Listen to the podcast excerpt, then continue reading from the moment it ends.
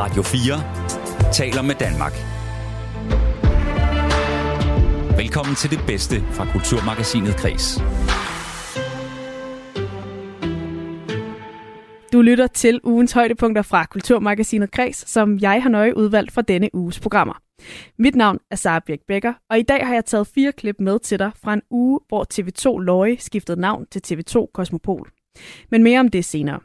Vi kommer i dag forbi fire forskellige klip, blandt andet dansk afrobeat. Man er ikke 100% fokuseret på, at man skal skrive en, en tekst, som kan vinde en, en Oscar, men man er meget fokuseret på, at melodien skal være catchy, og beatet skal være, beatet skal være lige så catchy. Ikke? Anna Jules nye bog, Superskurk, handler om at være psykisk syg, men samtidig gerne vil leve livet. Det, at jeg kan grine, har gjort, at jeg stadigvæk er her. Ja. Øh, men jeg vil til gengæld godt øh, bede om at holde kæft med, at det er et problem. Og så skal vi vende den gode gamle historie om Ødipus, der lige nu kan opleves som et kitsch teaterstykke.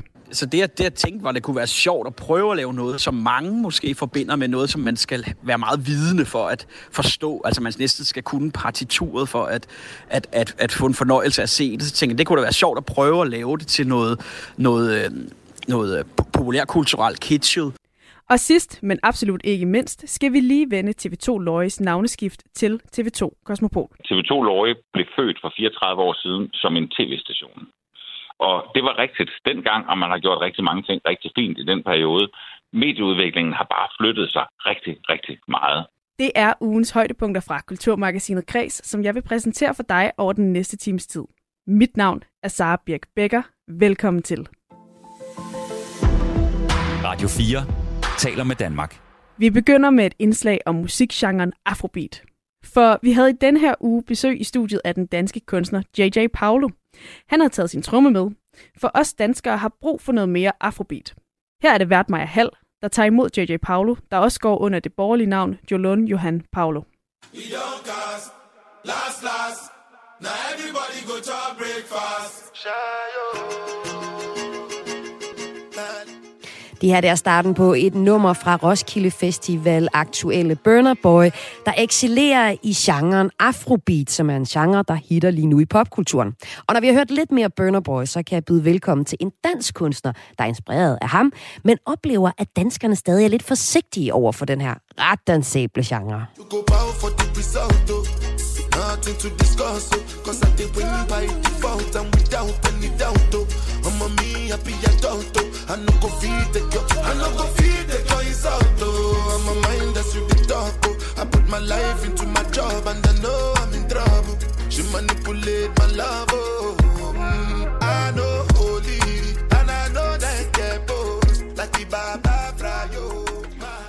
JJ Paolo, a.k.a. Jolan Johan Paolo. Velkommen til Kulturmagasinet Kris. Tusind tak, tusind tak. Jeg står, jeg står og danser herovre i København. Ja, jeg elsker det nummer der. Det er så lækkert. Lars, Lars. Lars, Lars. Eller som vi siger i Danmark, Lars, Lars. Ja, det tror jeg også, sagt at starte med.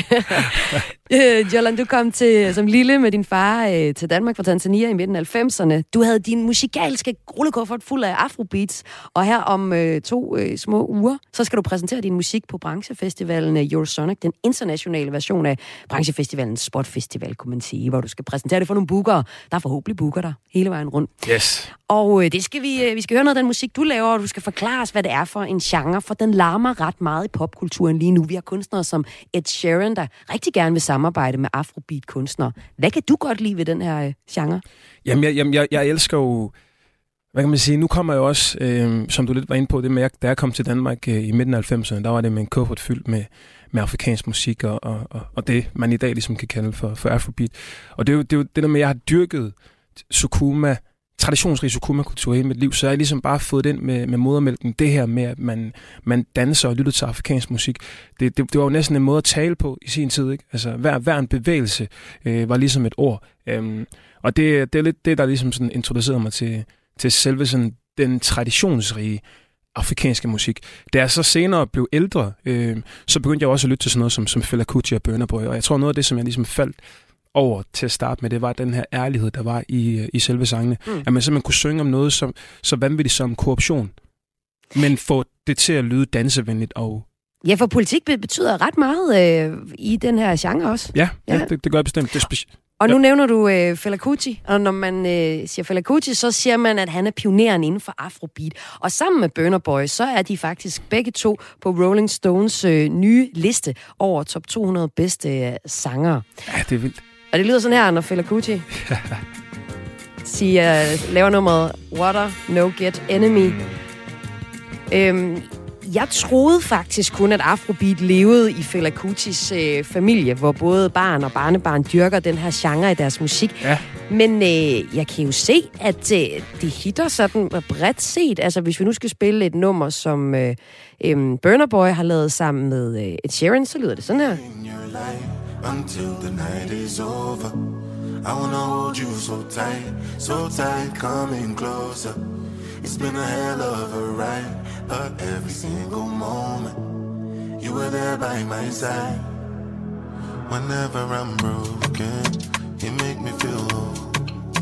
Whenever I'm lonely, you're there for my soul. Wherever you are, girl, that's where I call my Så, med den med det eksempel her, så kan vi jo i hvert fald fortælle, at, det, at det, Afrobeat er noget ind på hitlisterne, og også bare som Burner Boy, men også i samarbejde med andre store popkunstnere.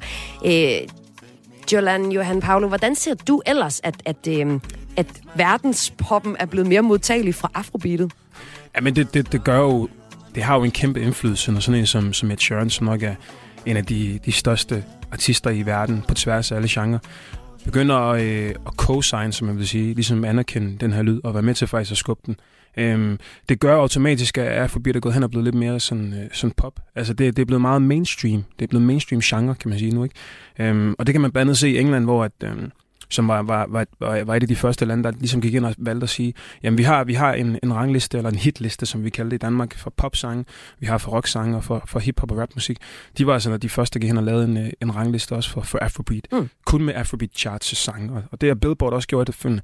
Og det er, jo, det er jo lidt ligesom et bevis på, at, øh, at det, det er bare en, en genre, som bare boomer afsted. Mm. Øhm, Og jo en genre, som du også selv øh, laver musik i, og vi skal høre noget om det lige om lidt, men du har så også fortalt, at du oplever, at selvom Afrobeat hitter i popkulturen, og som du fortæller her, altså har ligesom at få sin egen chart, så tøver Danmark lidt. Hvordan oplever du det som musiker, når du er ude at spille, som Altså, i- Paolo? lad mig sige det sådan, jeg oplevede det på... Fordi i starten, der, der kunne jeg måske mere forstå det, for der kendte man jo ikke rigtig det genre, og der havde Ed Sheeran heller ikke lige været med på et Afrobeat-nummer. Det er begyndt i sin tid at udgive, udgive musik inden for genrebetegnelsen Afrobeat. Men så sent som sidste år, da jeg skulle spille i, i Store Vægger, og så, altså jeg havde fyldt Store Vægger med, med 1300 mennesker, øh, og, og så, så skrev jeg ligesom til dem, om de ikke kunne ændre genrebeskrivelsen til, at det var Afrobeat, jeg lavede. Øh, Hvad hed det? Hvad kaldte de det? jeg, jeg tror, det hed rap eller hiphop, Mm. øh, der, som den genre. Og det er jo, det jo jeg har haft mange genrebeskrivelser. Jeg, jeg har også lavet dancehall åbenbart, og elektronisk popmusik. Så jeg har været vidt omkring, øhm, ifølge bookerne, ikke? Men, men der, der, der følte jeg, at det, det var sådan, at det, jamen, det kunne de ikke. De kunne ændre det til, til global musik, ikke? Og, og det var ligesom sådan, der var sådan, ej, come on, mand. Altså, vi, det, det, men tror du ikke, vi lige... Vi er bare lidt langsommere i Danmark. vi er, det lidt ikke bare langsomme i? Danmark. vi Ja, er lidt langsomme. ja, altså, ja. og det var helt, i, i starten, da jeg skulle til ud og spille, vi er jo, vi er jo tryghedsnarkomaner i Danmark. Ja. Vi vil gerne holde os til det, vi ved, der kender, vi kender. Så hvis vi skal, hvis vi skal booke noget til vores spillested, så vil vi gerne booke det, vi ved kan sælge. Det er Mm. popmusik, rapmusik. Så da i starten skulle ud og spille headline-koncerter, der var simpelthen ikke nogen, der ville booke mig, fordi jeg lavede Afrobeat. De ikke vidste, hvad det var, ikke? Ja. Øhm, så der, der måtte jeg jo kalde mig selv for rapper. Jeg tror, ved du hvad, Paul, jeg tror, det er fordi, at de simpelthen ikke havde sat øh, det her nummer på, da du skrev til dem. Dance for me, my baby. Let me see your chitty. Promise I can take it. Nobody come close but you, so dance for me, my baby. Let me see your chitty. And I brought my sissy. Nobody come close but you, so dance for me, my baby.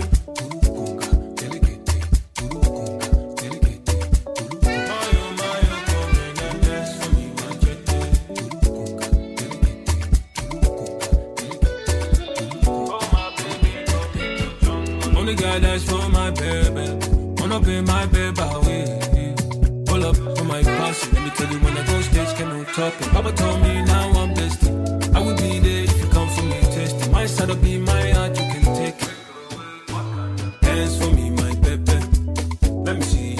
Ja, det vi hører her, det er My Bebe med JJ Paulo, og ham har jeg i studiet her i Kulturmagasinet, Jolan Johan Paulo. Øh, det her nummer fornemmer jeg ikke handler så meget om politik, som jo ellers er noget, som man blandt andet laver sange om. Ej, det, det, gør det. Kan det gør du ikke fortælle dem, hvad det er for et nummer? Jo, men det er jo, det er jo et nummer, der hedder Dance my baby, og det, det, er jo, det er jo også det, jeg elsker ved Afrobeats. Netop det her med, at, det, at der bliver lagt så meget op til, at man bare skal danse og, og, og, og føle den der vibe. I, I Vesten, der laver man lidt sange på en måde, hvor man går rigtig meget op i, i lyrikken også. Mm. Og nu, nu, nu spiller du nogle af Burner Boys sange. Jeg tror, det er de færreste sange, du hører, som Burner Boy har lavet, hvor du faktisk forstår alt, der bliver sagt. Og det er jo det, er jo det der med Afrobeat. Man, man, man er ikke 100% fokuseret på, at man skal skrive en, en tekst, som kan vinde en, en, øh, en Oscar. Men man er meget fokuseret på, at melodien skal være catchy, og beatet skal være, øh, beatet skal være lige så catchy. Ikke? Ja, så er der nogle instrumenter, der spiller en rolle, og du har taget ja. dem med. Ja, lige præcis. Jeg øh, har taget simpelthen en, øh, en, en bonungule-tromme med. Øhm, og det er jo sådan, nu skal jeg selv ud og spille nogle, nogle store ting, som er Sonic. Og, øh, og der, der kommer vi til at køre sådan noget, hvor vi, øh, vi tager sabat-trommer med, som er sådan vestafrikanske trommer. Det her, det er godt nok ikke en vestafrikansk tromme, den kunne jeg ikke lige bære på min cykel. Men Nå, det de er store, eller hvad? De er rimelig store, okay. øh, nogle af dem. Og hvad så for en, du har der? Prøv lige Jamen, det er, det er en bonungule-tromme, som øh, er fra Østafrika, Tanzania, hvor jeg kommer fra. Og det er, det er sådan som tromme, man slår på med hænderne. Øhm, og vi kalder det sådan for hulepindsvinedansen. Så det er, jamen det er jo helt, og det er jo, jeg elsker det der. Og man skal næsten gå ind og google det efterfølgende. Så man skriver Utamaduni på YouTube, for så kan man se nogle af de videoer der. Det, øh, det går ikke, det går ikke uh, stille for sig. Og det er jo så, øh, du siger jo så, det er, ja lad os lige høre lidt, trum lige lidt. Jamen, jeg, stiller lige, jeg retter lige mikrofonen til. Ja, det er den. Og det er jo altså så en uh, tanzaniansk tromme. Og det er faktisk en meget væsentlig pointe. Afrika er jo et gigantisk kontinent, og øh, du laver så den slags øh, afrobeat, hvor du er inspireret af Tanzania, hvor du kommer fra. Der er også Nigeria, som er en af de helt store eksportører af øh, afrobeat-kunstnere. Øh, og øh, Jolan, jeg har faktisk lyst til, at vi slutter nu, for jeg vil godt spille ja, en lille smule mere af din musik, for øh, dig, der lytter med i den anden ende. Men tusind tak, fordi du var med her i Kulturmagasinet Tak for at være. Det var altså JJ Paulo, som jeg havde med her i Kulturmagasinet Kreds, som ellers hedder Jørgen, uh, øh, Jolan Johan øh, uh, Paulo. Men uh, lad os slutte med noget af Afrobeat-musikken, som JJ Paulo laver. Her er det Joram.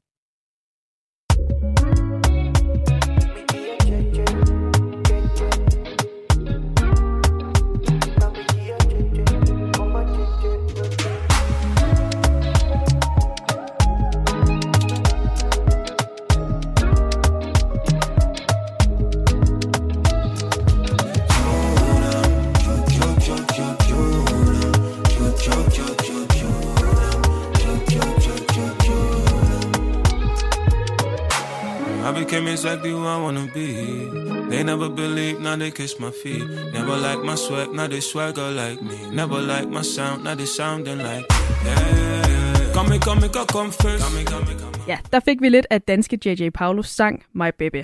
JJ Paulus, som vi her hørte i indslaget, skal repræsentere Danmark ved musikfestivalen Eurosonic i Holland, hvor nye kunstnere skal vises frem for Europas musikanmeldere og bookere. Det er fra den 18. til den 21. januar, at Eurosonic finder sted i Holland. Du lytter til Radio 4. Du lytter til højdepunkterne fra Kulturmagasinet Kreds, og jeg har taget endnu et indslag med til dig fra den her uge. Nu skal det nemlig handle om psykisk sygdom. Satiriker og forfatter Anna Jul har netop udgivet sin bog Superskurk. Og bogen handler om at være psykisk sårbar og vise, at vi alle kan være både ofre, helte og helt igennem skurkagtige. Men bogen handler også om mørket, og hvordan det er at kæmpe for livet, når man har en psykisk sygdom. Her i klippet er det vært Maja Hall, der taler med Anna Jul, forfatteren bag Superskurk, og hun forklarer her, hvorfor hun har skrevet bogen. Jamen, jeg satte mig ud for at skrive Superskurk ud fra en præmis om, at nu vil jeg altså øh, give mit mørke, eller hvad man ellers skal kalde det på eufemisme, en uge, sidste uge af mit liv. Øh, jeg vil lade alle mine dæmoner få hele mig, og så vil jeg komme sådan renset og frelst ud øh, på den anden side, hvilket jo var en totalt tåbelig øh, idé. Øhm, så det var udgangspunktet, og det der så i stedet for kom ud af det, var, at øh, jeg ligesom nåede frem til efter de famøse to måneder, som bogen endte med at tage at skrive, øh, at, at jeg egentlig sådan er nået til et sted, hvor jeg har konkluderet, at jeg har brugt utrolig meget af mit liv på at håbe, og dermed leve i sådan en konstant venteposition i håbet om en dag at få det bedre. Øhm, og det var selvfølgelig først og fremmest et problem, fordi jeg ikke ved, hvad bedre er. Øhm, men også fordi jeg egentlig gerne vil slå et slag for nu, som så er endt med at blive det store forkromede budskab med Superskurk, at øh, jeg og dermed alle andre øh, er noget værd, selvom de er svære, bare fordi de er her. Mm. Øh, ja.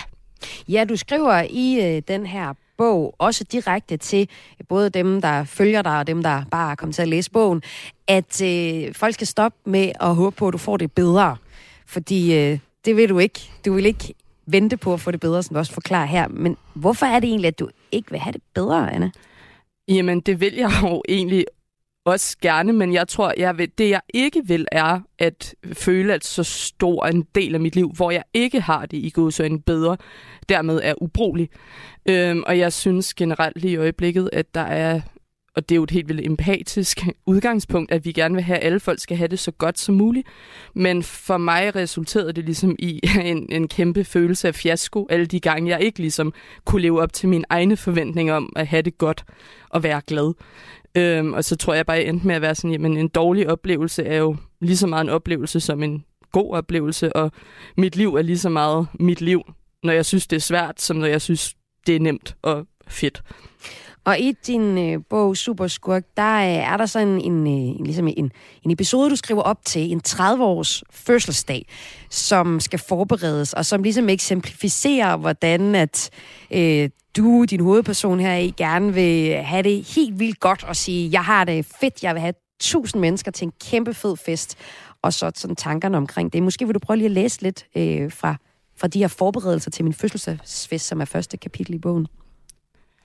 Okay, jamen altså, det hedder jo forberedelser til min fødselsdagsfest. De lever mig lige op i mit åbne ansigt, folkene, og nu har jeg tænkt mig at leve lidt igen. For jeg fylder forhåbentlig snart 30, hvilket er derfor, jeg udtaler mig. Det er min adkomst.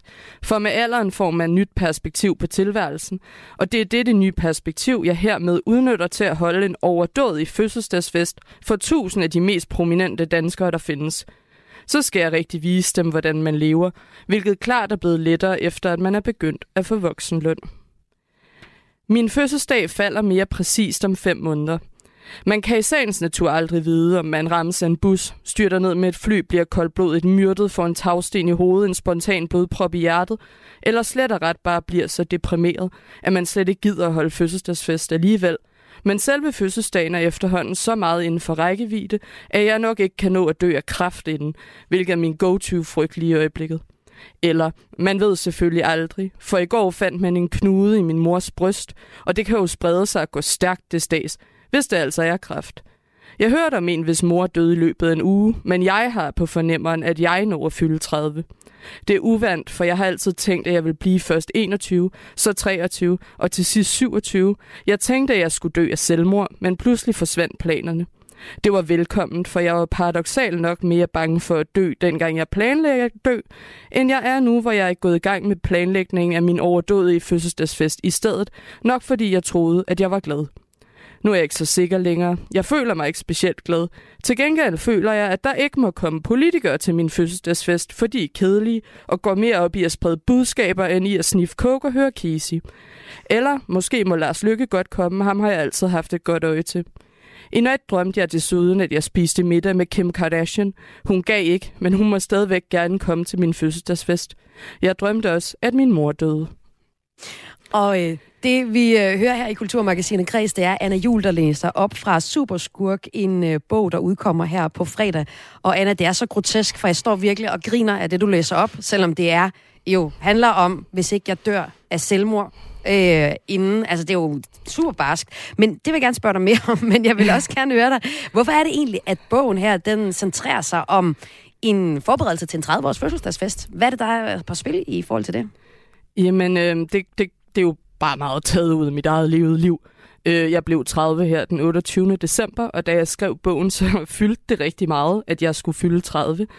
Måske fordi jeg har haft en eller anden idé om, at, at det at træde ind i et nyt årti også vil være sådan en mulighed for at kunne lægge ja, dæmoner eller mørke bag sig.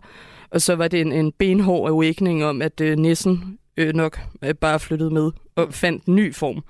Øhm, men det er der på en måde også nyhedens interesse i, at man kan gå ud og få nogle nye øh, traumer eller dårlige oplevelser. Ja, og alt når du fortæller om din, og sådan har det været igennem hele dit forfatterskab, så har du den her morbide tilgang til din egen sygdom. Og jeg ved, at du nogle gange oplever, at folk de øh, tænker, at hvis du kan have det så sjovt, så kan du ikke være rigtig syg. Prøv lige at uddybe det. Jamen, øh, jeg tror i hvert fald, at det er et, øh, som jeg i hvert fald i bagklodskabens ulideligt klarlys kan se, er blevet en form for budskab i Superskurk. Det er, at øh, jeg gerne vil slå et slag for, at sygdom, og derunder også psykisk sygdom, kan se ud på sindssygt mange forskellige måder, alt efter hvem man er. Øhm, og at, som faktisk ikke for at give for mange spoiler, men øh, der er en sætning på et tidspunkt til sidst henad i bogen, øhm, som går i retning af, at øh, nu vil jeg gå tilbage til at gøre det, jeg er bedst til, nemlig at grine, mens jeg er ulykkelig. Mm. Øhm, så for mig, og det er egentlig ganske banalt, men grådet og grinet hænger ret meget sammen i min verden. Og det går måske også meget fint i tråd med, at folk ofte kalder min humor for en slags forsvarsmekanisme. Og det var jeg altid fucking træt af. Men til sidst var jeg sådan, I har jo ret. altså det, at jeg kan grine, har gjort, at jeg stadigvæk er her. Ja. Øh, men jeg vil til gengæld godt øh, bede om at holde kæft med, at det er et problem. Mm. Ja, og du vil jo faktisk gerne bede en hel masse mennesker om en hel masse ting, både at holde kæft og forstå, hvad du siger, og du skriver også i din bog, at du faktisk er pisse sur og har noget på hjerte. Og det er jo nyt fra dig, fordi når jeg har talt med dig før, øhm, så har du været sådan, jeg gider ikke være post-it girl for psykisk sygdomme. Jeg har bare en med nogle diagnoser, som skriver, og det er jeg fucking god til. Hvad er det, der gør, at du nu faktisk stiller dig op i øh, deadline, i debatten, eller hvor end folk de faktisk gerne vil høre om, hvordan det er at være psykisk syg, og synes, at systemet har overset en hel sektor? Jamen, der er jo selvfølgelig et perspektiv i det, som hedder, at man kan tjene gode penge på at holde foredrag. Ej, øh, spøj til side. Øh, jeg tror af en eller anden underlig årsag, at jeg faktisk har øh, skammet mig lidt om at, at, over, at gå op i noget og mene noget om noget, fordi det på en eller anden måde vil betyde, at jeg anså mig selv som en form for ekspert på området, som andre folk skulle lytte til. Øh, men her i løbet af særligt de sidste par år har jeg både kvæg min øh, Instagram-profil og folk, der generelt henvender sig til mig, oplevet noget så fantastisk som, at nogen faktisk rent godt kan bruge noget, jeg har at sige til noget. Øhm, så jeg tror, at for mig har det været sådan en ret vild ting at stå ved, at man mener noget. Og jeg synes, det mest uhyggelige ved at skrive Superskurk er den passage øh, til sidst i bogen, hvor jeg ja, erklærer, at jeg er pisse sur over rigtig mange forskellige ting. Øhm, fordi jeg egentlig har tidligere godt kunne lide ideen om, at folk ikke rigtig vidste, hvor jeg stod henne. Men mm. nu har jeg det sådan, I må godt vide, hvor jeg står, og jeg står her. Ja. Ja, og, og når man synes noget og mener noget, så er det jo også tit, fordi man egentlig gerne vil flytte noget. Om et øjeblik, så øh, skal vi høre fra en forsker i litteratur og en fra øh, en, der underviser på medicinstudiet i København, om hvordan at øh, psykisk sygdom er blevet beskrevet i litteraturen, og om hvordan man underviser både på Syddansk Universitet, på medicinstudiet i København, i øh, hvordan det er at have psykisk sygdom, altså i litteratur, øh, der beskriver det. For eksempel kunne Superskurk meget vel komme på deres pensumliste. Hvordan har du med det? Øh, jamen, det har jeg det jo fantastisk godt med. Øh, jeg synes, det er virkelig mærkeligt. Hvert øh, år omkring sommer bliver jeg kontaktet af 9. klasser, som har fået til opgave at analysere min øh, første bog. Øh, så der er jo både sådan noget ret... Altså penge og bacon? Øh, nej, den øh, digtromanen, jeg bruger min krop som et møbel, mm. øh, hvilket de ikke kan få særlig mange svar ud af mig, for jeg ved heller ikke rigtigt, hvad den betyder. Øh, men det er øh, jo ret en ret direkte måde at vide, at det, man har skrevet, rent faktisk bliver læst og bliver brugt til noget. Øhm, derudover vil jeg også sige, at ja, det ikke er, at Superskurk er ikke rocket science. Der er tusindvis af andre, der har skrevet sig ind i det, man noget nedsættende kalder sygdomslitteraturen. Øhm, men, men det er egentlig også en del af bogens pointe, at når der jo er så mange, der har snakket så længe om, hvor skidt det står til i psykiatrien, og der bare ikke er noget nævneværdigt, der er sket på området i de sidste 25 men, år. Men er der ikke det? Altså, vi har lige haft en valgkamp, hvor øh, psykiatrien der fyldte en hel del. Jamen, og det er faktisk, øh, det, det var derfor, det er virkelig svært at skrive noget, der er aktuelt. Øh, fordi jeg, jeg oplevede jo egentlig også, at der i løbet af det sidste år er kommet vældig meget mere fokus på både mistrivsel og på psykisk sygdom, eller psykiatrien. Øh, men, men jeg vil bare sige, at man jo før har oplevet, at noget har stået på et stykke papir, øh, uden nødvendigvis at blive ført ud i livet. Så jeg håber da, at Superskurk kan være et meget lille forsøg på at holde nogen til ilden, og ikke øh, glemme psykiatrien igen, selvom den måske ikke lige pt. er en politisk hot potato på øh, lige fod med andre emner. Mm.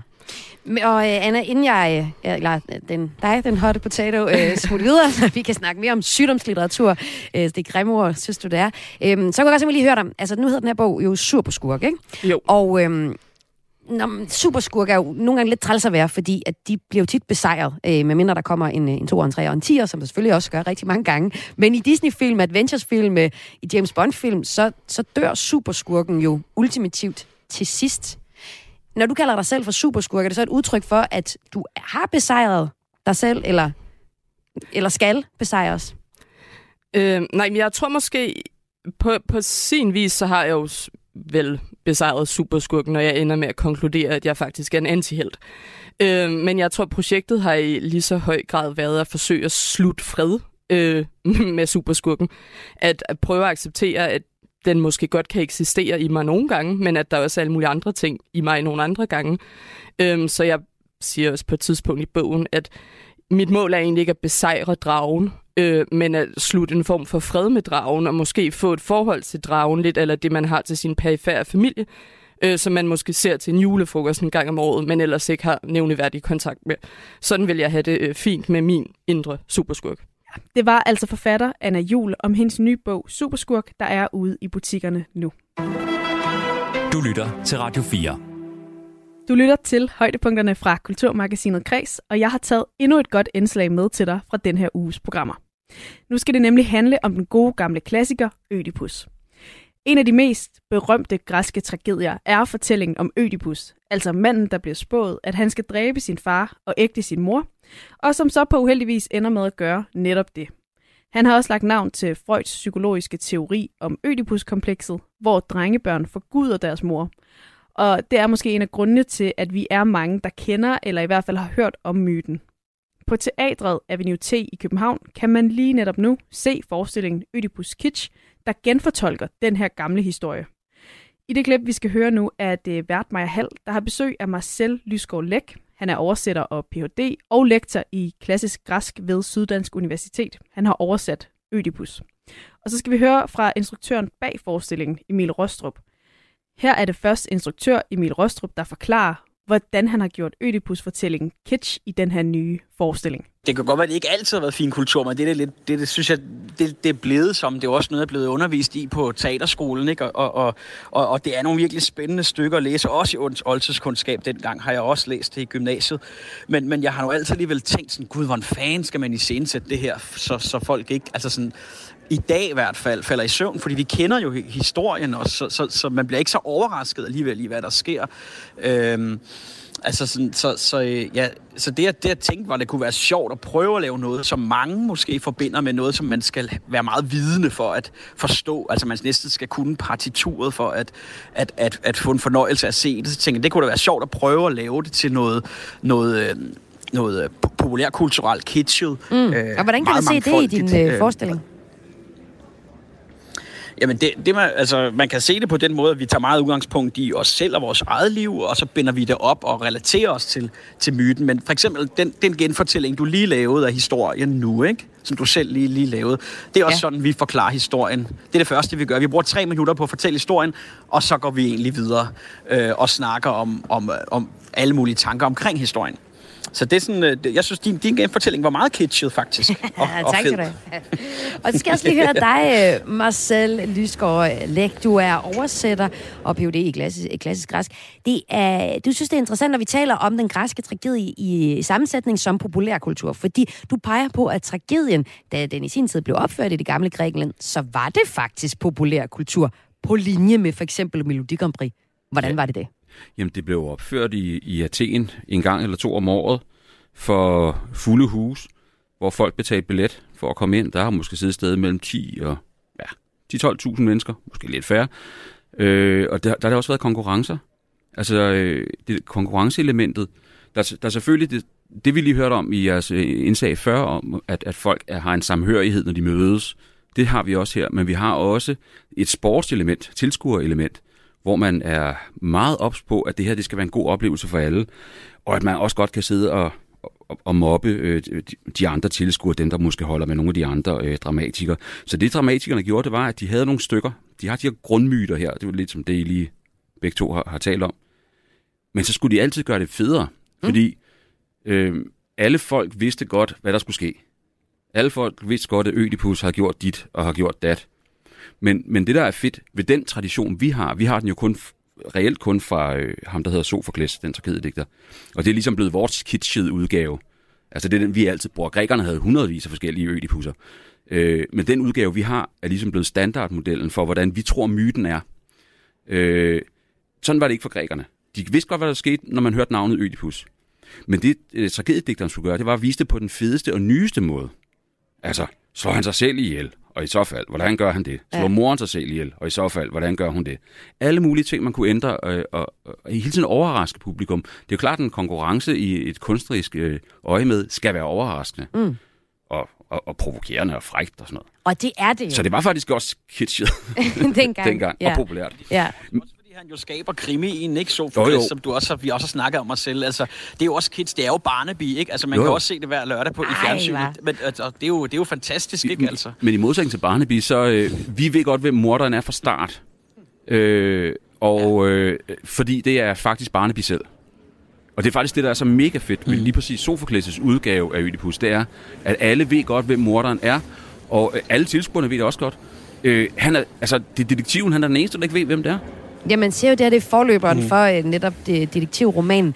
Og nu fortæller jeg kort om, uh, om handlingen i starten, men hvis jeg lige skal gå lidt mere i detaljer, det har jeg lige lyst til at gøre, så vi alle sammen er med, ikke? Altså, der er det her oraklet fra Delphi, der er sådan uh, tragikromisk er på spil i den her historie. Nu sætter jeg lige noget Ødipus-musik på. Her er det musik fra norske Christian Hestø, og så prøver jeg lige at forklare, hvorfor det her uh, orakel fra Delphi er så irriterende, for vi så kan tale om, hvad er det, den her fortælling om Ødipus kan, og også kan, hvad er det for en fed øh, myte, vi også kan bruge og fortælle om i vores nutid.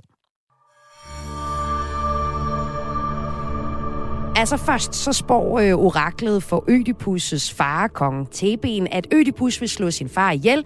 Derfor så bortskaffer faren sig Ødipus som spædbar. Ødipus bliver så heldigt, som han er, adopteret af et kongepar. Som ung mand, så er Ødipus så også forbi oraklet i Delphi, som også advarer ham om, at han vil komme til at dræbe sin far og gifte sig sammen med sin mor. Og det vil han for alt i verden undgå. Så derfor så flygter han fra sine adoptivforældre, som han tror, at er hans forældre. Alligevel så kommer han så til at slå sin biologiske far ihjel, altså kongen af Theben, uden at vide, hvem han er, da han lige kommer på tværs af ham på sin flugt fra sine forældre.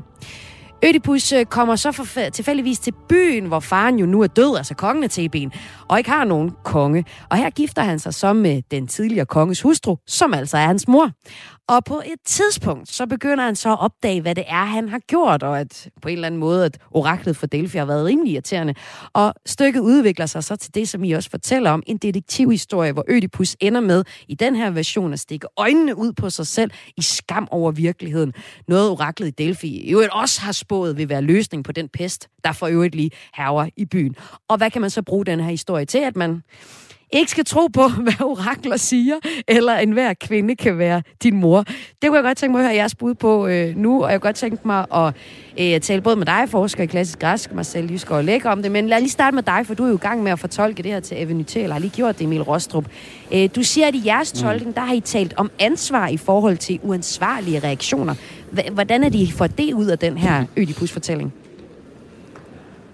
Nå, men, altså, øh, øh, noget af det første, vi gjorde, øh, det var jo at læse stykket, ikke? Og som du selv siger, tager det noget tid, hvis man virkelig skal sætte sig ind i det, så vi brugte nogle dage på det. Og så ringede vi faktisk til Marcel, og så sagde vi, Marcel, kan du ikke lige komme og snakke med os? Og det, det, det gjorde du, og det var så skønt. Så vi havde en rigtig god og lang snak med Marcel om, omkring alle mulige tanker omkring det. Og en af de ting, vi, vi virkelig faldt over, øh, var, at, at, at Marcel i sin oversættelse, nyoversættelse af det, har, har fundet ud af, at, der, at det her, nu må du rette mig mig selv, hvis det er forkert, ikke? men at det oldgræske ord for skæbne egentlig også kan oversættes til tilfældighed eller lykke. Øh, og det, det, det, det hægtede vi os i hvert fald ved, at vi synes, det er ret sjovt, at man har kaldt det her stykke for et skæbnedrama. Ødipus taler så meget om sin skæbne, som han på en måde godt vidste skulle ske, men har prøvet at undgå, og så skete det alligevel.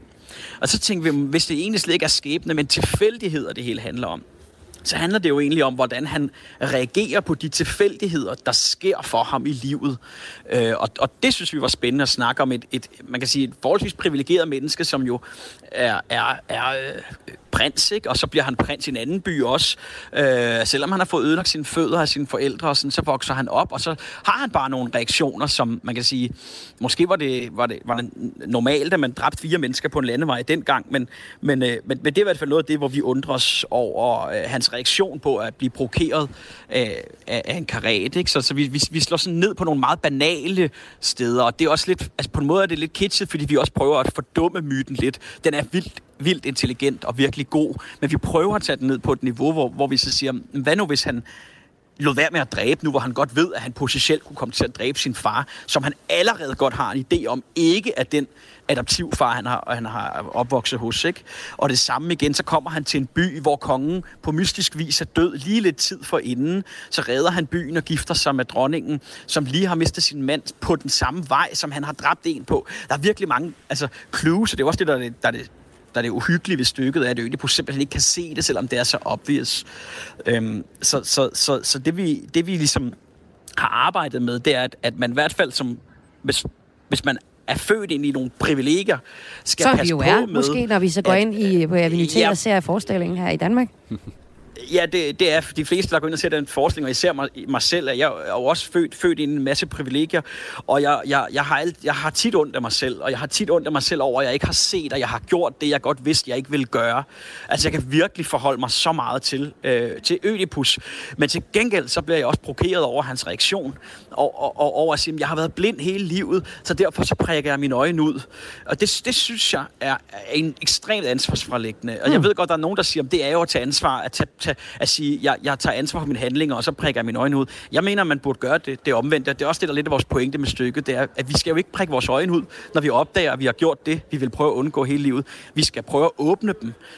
Det kan jo godt være, at det er det, han prøver, fordi han har set den blinde spormand se det hele. Men altså, når man, når man læser stykket, så, så fortsætter han med at være lige så blind over for sig selv, øh, som blind, som han var, da han havde sine øjne.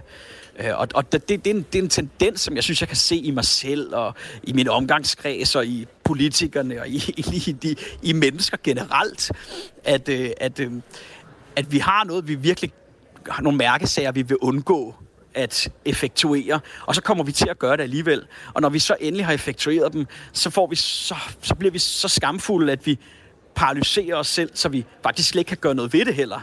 Øhm, og og det er det, det, det, vi, vi har prøvet at lade forestillingen øh, behandle. Og det er altså den her forestilling på Avenue T, der hedder Ødipus øh, Kitsch, som du står bag. Og øh, Marcel Lysgård du har så oversat Ødipus. Og når du har siddet med den her myte i hånden, så øh, mener du, at grunden til, at vi er fascineret af den her myte, så er det, fordi vi er fascineret af de menneskelige dysfunktioner. Hvordan det?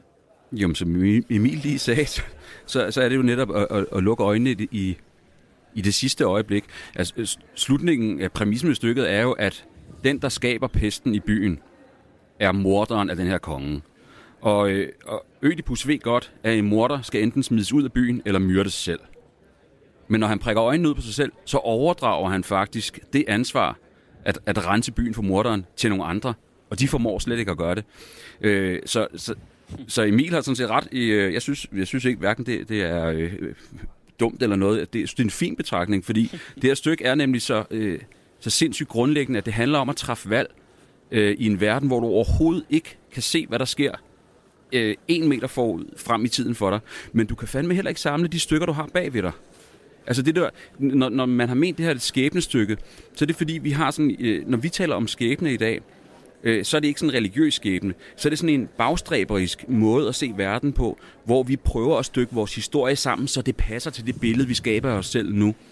Øh, det, det kan Ødipus ikke, fordi der er ingen, der fortæller ham noget rigtigt. Så der er også nogle elementer i fortællingen om, at det her det handler også om, hvor meget ved vi, og hvordan kan vi reagere på den viden. Men Ødipus får konsekvent forkerte ting at vide, og når han så endelig hører det rigtige, så tror han ikke på det. Hmm. Så der er tiden sådan nogle konflikter mellem det selvbillede, han har, øh, og, og det reaktionsmønster, han har. Fordi Emil har jo ret, manden er super aggressiv. Altså, han farer op i tid og utid.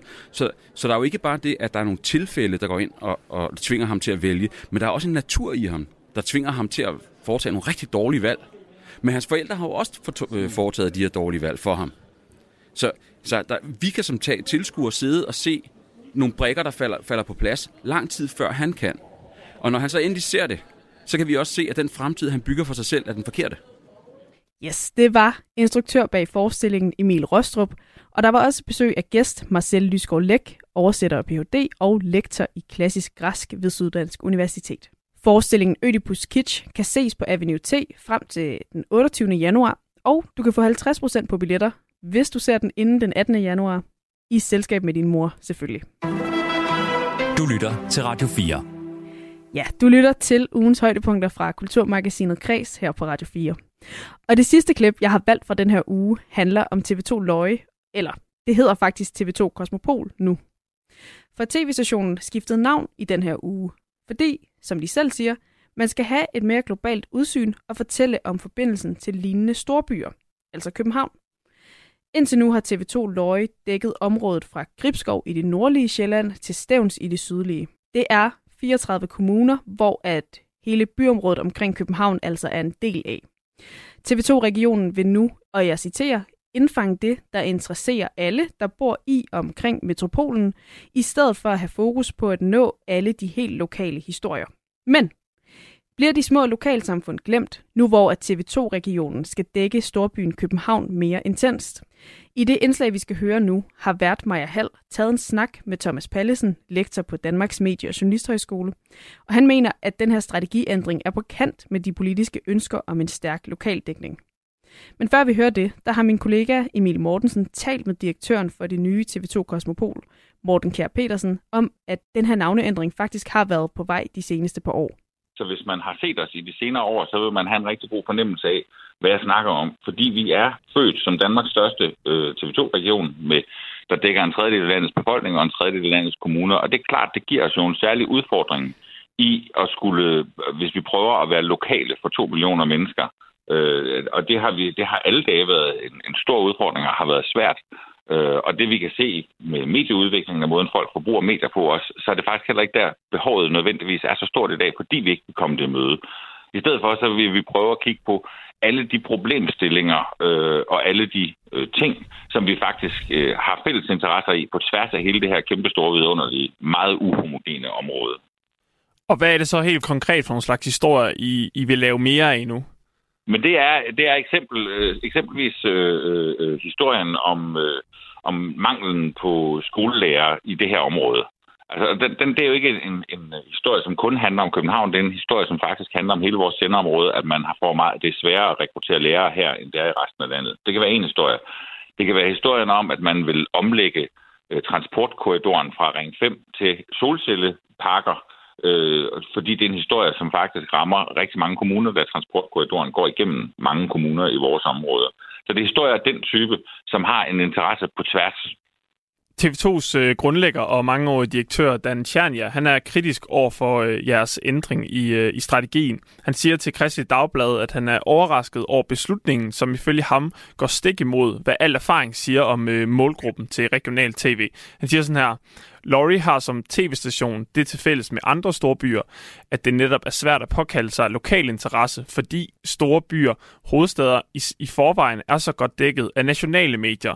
Derfor der skal man være meget varsom med at nedgøre de dele af sendeområdet, hvor seerne faktisk er interesseret i at få historier om deres eget lokalsamfund hvordan undgår I at øh, lade brugere i, i stikken, for eksempel i, i Hundested eller øh, Frederikssund, øh, hvor, hvor I jo skal dække? Et langt stykke hen ad vejen, så er jeg jo enig med øh, den tidligere direktør. Øh, så vidt som, at TV2 Løje blev født for 34 år siden som en tv-station. Og det var rigtigt dengang, og man har gjort rigtig mange ting rigtig fint i den periode. Medieudviklingen har bare flyttet sig rigtig, rigtig meget. Og derfor har vi også haft et behov for og prøve at redefinere og vise, at vi faktisk gør det på en anden måde. Fordi vi kommer stadigvæk til at dække, når der er relevante, vigtige historier i Hundested, som har en, en, øh, en, en relevans for andre end kun dem i Hundested. Og det kommer vi til at gøre øh, på, på den måde, som jeg har beskrevet for jer tidligere. Men det er klart, det at gå helt nært ind i, at nu er der en forretning, der er gået konkurs, eller en frisør, der er åbnet i Hundested. Det har vi aldrig kunnet. Og problemet er, at hvis vi laver den type af historier, så det, der er sket hen over de senere år, det er, at hvor der før har været en forståelse for, at det var et stort område, og man skulle også høre om noget fra de andre steder. Så er det gået over til, at folk bliver næsten decideret vrede, hvis vi laver noget, der er lokalt. Fordi så rammer vi måske øh, øh, en by i en kommune ud af de 34 kommuner. Og det vil sige en meget, meget lille gruppe på øh, 20.000 mennesker ud af 2,1 millioner. Og de, og de resterende oplever vi i tiltagende grad, at de bliver sure, fordi de siger, at det er jo lokal journalistik. Det kan de jo selv finde derop. Der er jo en lokal presse i Hundested. Der er Facebook-grupper for gader og kvarterer og byer. Og der kan man meget bedre løse opgaven med at være helt lokale. Det vi gerne vil, det er, at vi vil jo gerne øh, skabe en værdi for alle dem, der bor i hele området. Og, og der kan man sige, Hundested har masser af historier, som har en, øh, en relevans, der rækker ud øh, langt ud over kun Hundested, men som også er vigtigt for dem, der bor i Hundested. Og det er den type af historie, vi i stedet for vil fokusere på. Det andet har vi sådan set i hvert fald ikke gjort i de sidste otte år det er sådan, som du siger, I, I skal dække 34 kommuner. Det er, det er langt flere end, end de andre TV2-regioner. Politisk, der har øh, Venstre og Konservative og Enhedslisten talt om, at man skulle splitte øh, TV2 Lorry op, som det hed dengang, op i øh, flere ja. tv-stationer, for netop at kunne styrke den lokale nyhedsdækning. Er det ikke præcis det modsatte, I gør med, med den her strategi? Nej, det synes jeg faktisk ikke, det er. Det, jeg synes, vi prøver at gøre med den her strategi, det er at sige, at vi er givet en opgave øh, af politikerne nu, og den opgave, den prøver vi på at løse inden for de rammer, som politikerne har givet os. Man skal også huske, vi er ikke født som lokale medier. Vi er født som regionale medier. Vi hedder også TV2's regioner. Og det vi prøver at gøre, det er at sige, hvordan dækker vi den her region bedst muligt, og hvordan kommer vi bedst rundt i hele regionen. Prøv den her strategi så egentlig, jeg kan ikke lade mig tænke, prøv den egentlig bare udstille det kan ikke lade sig gøre at dække de her 34 kommuner ordentligt lokalt. Så nu, nu vælger vi at sige, at vi satser på den her øh, ja, metropol, som jo i mange øjne nok kommer til at lyde meget København, Københavns fokuseret. Så satser vi på den, og så viser vi, det kan man dække godt, men man kan ikke dække det hele godt, og det kan ligesom skubbe på for en, for en politisk udvikling. Er det helt forfejlet at sige det? Ja, det er det, fordi det, det er jo den fortælling, som kritikerne gerne vil lave, at metropol er lige København. Det er det ikke for. Altså, hvis vi betragter hele det område, vi bor i, som metropolen, så kan det godt være, at København er et af samlingspunkterne her, men der er rigtig mange andre ting, som også er relevante den anden vej ud. Og det er dem, vi vil dække. Og jeg tror, at det, det, jeg, jeg løser den opgave, vi bliver stillet af politikerne, og det er at, lø, at lave regional journalistik. Og det tror jeg på, at vi kan. Og jeg tror også godt på, at vi kan lave god regional journalistik, som er relevant for alle 34 kommuner. Hvor mange steder er der overlap imellem øh, en øh, ung far på Vesterbro, der cykler med sin Christiania-cykel, og så en, der står op ved færgelaget i, i Hundested? Jamen det tror jeg, det gælder jo alle steder på i, i hele Danmark. Vi er, jo, øh, vi er jo forskellige fra nærmest fra, fra kommune til kommune, men, men selvfølgelig er der overlap, og selvfølgelig er der områder, hvor, øh, hvor, hvor der er et, et, øh, et, øh, hvad hedder det, et interessefællesskab. Det kan være, at den unge mand med Christiania-cyklen, han godt kunne tænke sig at skulle op og med færgen, Øh, Øh, hvordan lader det sig gøre rent øh, infrastrukturmæssigt? Det er ikke særlig nemt, øh, hvis ikke han har en bil i hvert fald. Øh, og det kan være, at ham oplever færgen, han en gang imellem skal til København om morgenen og oplever, at det tager ham halvanden time at komme ind. Så, så der er jo interesseområder, hvor, hvor de to mødes, øh, og, og det er jo det, det er jo lige præcis det, de områder, vi vil fokusere på sagde her direktør for TV2 Kosmopol, Morten Kær Petersen, om det her nye medie TV2 Kosmopol, som dækker hovedstadsområdet og overtager, man kan sige, det er en rebranding af TV2 Løje, som altså er en af de her regionale medier under TV2. Og nu skal vi se lidt nærmere på det her skifte, som TV2 er i gang med, og det her med de regionale og versus lokale medier. Jeg kan nu byde velkommen til øh, Thomas Pallesen. Tak skal du have. Du er lektor på Danmarks Medie- og Journalisthøjskole, har undervist i tv, og sidste år undersøgte du, hvordan lige præcis TV2's regioner er ved at ændre sig.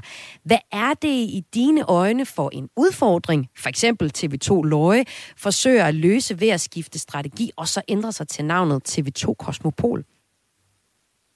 Ja, TV2-regionerne har, den største, har først og fremmest en udfordring, altså den største udfordring, det er, at færre og færre mennesker ser traditionelt tv. Og selvom dem, der ser tv, sådan set er lige så stort set lige så trofaste over for regionerne, som de hidtil har været, så bliver der bare færre og færre af dem, ikke? og den kurve, den går bare kun én vej, ikke? og den er ned mod, hvis vi skriver ned, så der ikke går ret mange år, så er der simpelthen ikke ser til det. Mm. Så man er nødt til at gøre noget for at nå ud til flere og, få, og finde en større berettigelse. Fordi man bare må sige, ikke, at hvis vi ser på antal af personer, så er der bare færre og færre, der mm. interesserer sig for den form for, eller dog bruge tid på den form for dækning, som TV2-regionerne hidtil har lavet. Og jamen, så synes jeg, det er interessant at høre, altså, øh, nu er det her jo så TV2, og der er færre, der ser tv, og det er en af grundene til, at der er færre, der ser de regionale tv-stationer, som TV2 øh, har. Men vil du sige, at vi overhovedet har behov for regionale medier, når vi jo nu har, altså, vi har jo hyperlokale medier. Jeg bor i Skanderborg, der har vi Skanderborg Live, super lokalt. Er der så brug for de her regionale medier også? Ja, det tror jeg da bestemt, der er. Altså, og det der jo er, det er, at de jo i dag forsøger at redefinere deres rolle. Hvor man tidligere kan sige, at man sendte sådan løst og fast øh, rundt omkring for, hvad der skete i regionen, ikke? og så, så folk med, at man fik en fornemmelse af dækning der.